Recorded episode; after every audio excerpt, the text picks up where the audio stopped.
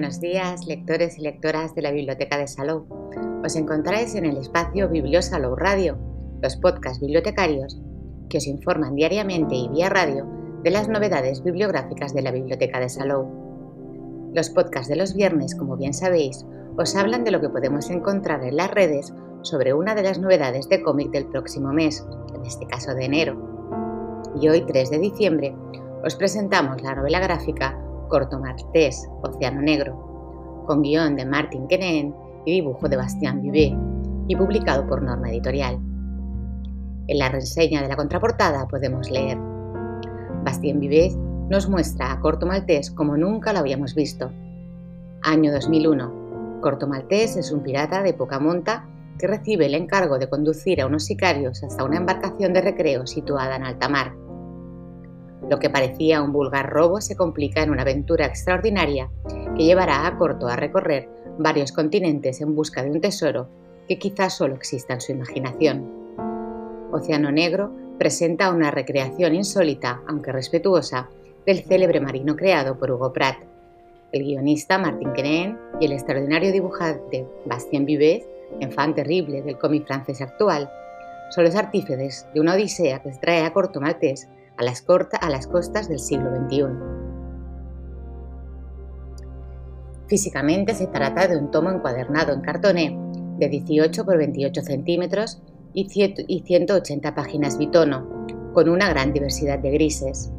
La confección física y el diseño técnico del álbum a cargo de Norma Editorial es excelente. Han tomado como referencia la versión francesa llamada Edición Deluxe, que cuenta con tapa dura, un tamaño ligeramente superior a la versión en tapa blanda, un papel satinado de gran calidad, casi sin reflejos, además de una reproducción perfecta. Asimismo, incluye el coloreado especial de las 14 primeras páginas a cargo de Patricia Zanotti, que hace un trabajo muy meritorio, aunque algunos preferirían el resultado en blanco y negro de algunas páginas. Contiene una hermosa galería gráfica con bocetos, ilustraciones y versiones de portadas, pero no incluye ningún texto introductorio, de contexto o sendas bibliografías de los autores. El precio es bastante razonable.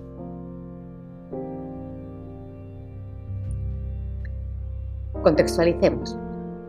Con su eterno cigarrillo en los labios y sin una arruga de más, el misterioso corto maltés es un legendario personaje de cómic ambientado en finales del siglo XIX y los albores de la Primera Guerra Mundial, siendo uno de los personajes más emblemáticos de la esfera de los cómics. La muerte de su creador, Hugo Pratt, lo instaló durante dos décadas en ese limbo al que viajan los aventureros de papel cuando desaparecen sus creadores, un territorio brumoso donde su estatura mítica se agigantó en proporción directa a la nostalgia de sus lectores. Durante esas dos décadas, ¿qué aficionado o aficionada a los cómics no soñó alguna vez con leer una nueva aventura del Marino de Malta? ¿Y qué historietista no soñó alguna vez con ejecutarla? En 2015, un equipo creativo formado por el guionista Juan Díaz Canales y el dibujante Rubén Pellerejo cumplió ese sueño con la publicación de Bajo el Sol de Medianoche, álbum al que siguieron los espléndidos Ecuatoria y El Día de Tarouer. Ahora le toca el turno a una pareja creativa de origen francés, formada por el guionista Martin Quenén y el dibujante Bastien Vives, creadores de la novela gráfica 14 de julio.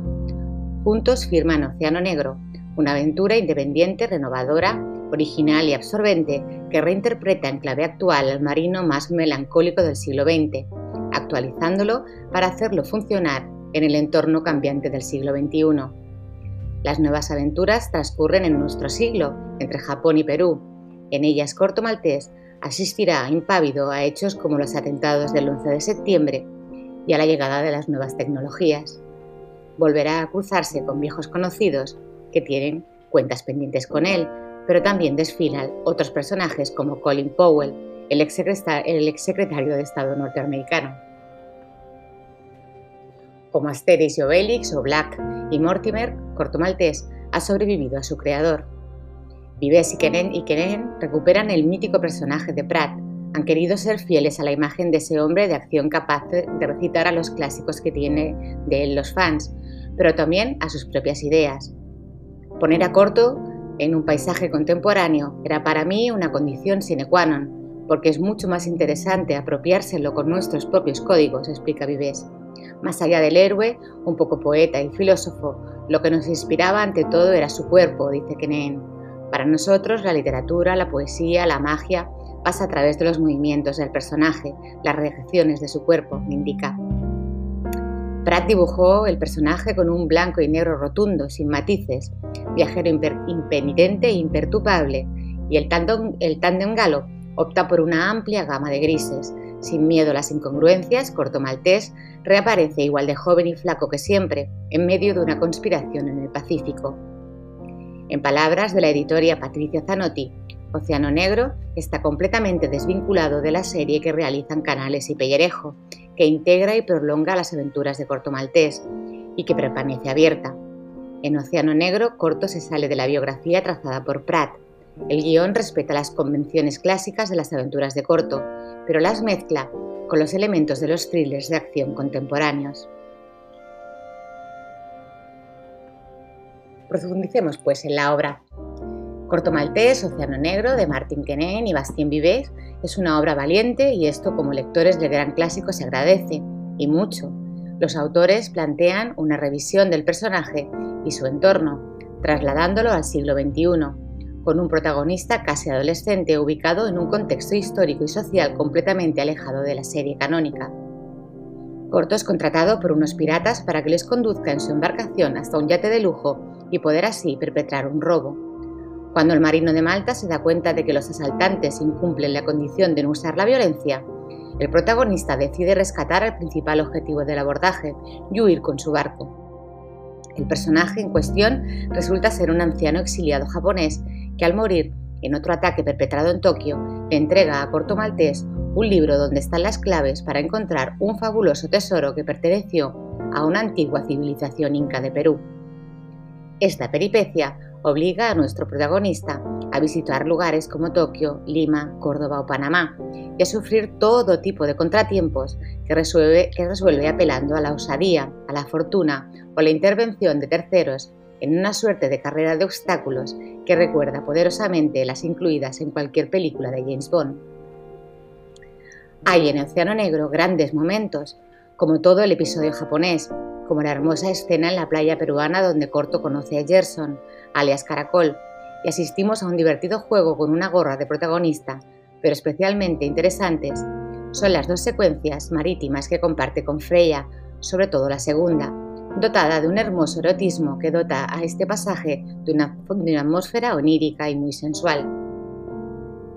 Los guiños a la obra de Pratt son inevitables, pero no resultan demasiado evidentes ni entorpecen la trama, con lo que se convierten en un divertimento que puede disfrutarse mejor en una segunda lectura.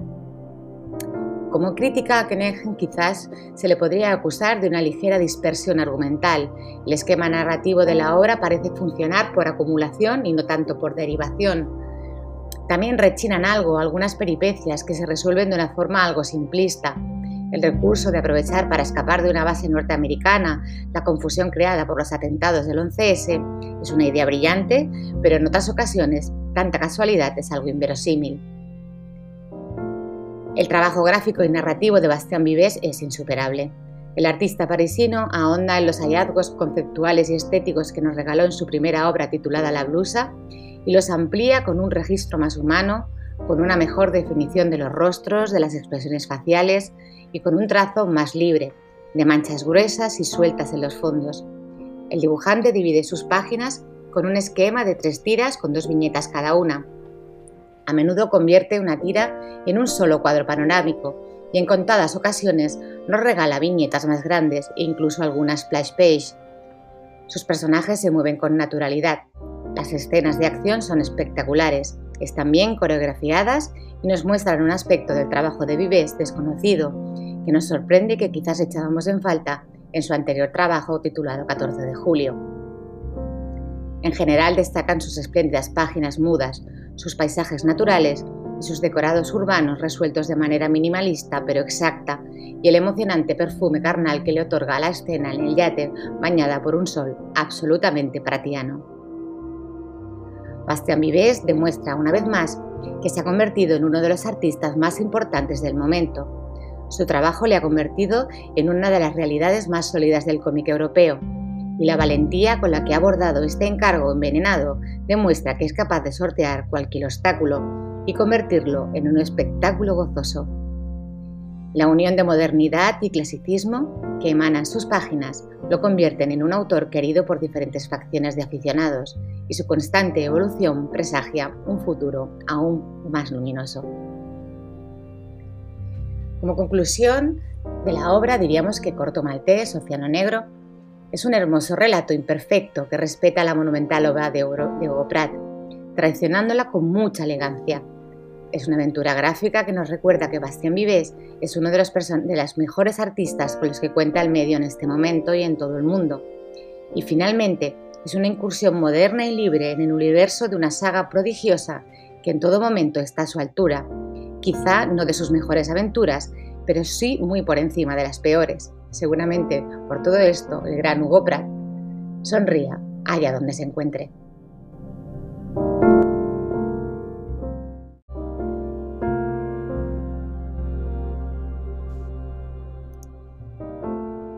Hablemos ahora de los autores. Martin Quenet nació en Francia en 1978, pero su infancia la pasó en Normandía. Es licenciado en Historia y trabajó durante siete años como profesor de Geografía e Historia en un instituto de las afueras de París. Ha sido reportero y productor para las radios públicas France Inters y France Culture y también redactor del Huffington Post. En 2011 publicó su primera novela titulada Jours tranquilles d'un prof de Baliev, editada por Grasset, donde explica de manera paródica sus experiencias como enseñante. Su primera incursión en la banda de cine la firma en 2020 junto al artista Bastien Vivet. Se titula 14 de Juliet y está editada por Casterman. En castellano, la ha traducido Diablo Ediciones con el título 14 de julio. En 2021, ha publicado su visión del personaje corto maltés, creado por Hugo Pratt en el álbum hoy reseñado. Bastien Vives nació en París en 1984. Cursó estudios de artes aplicadas en el Institut Saint-Geneviève y también en l'École Supérieure d'Arts Graphiques Penningen.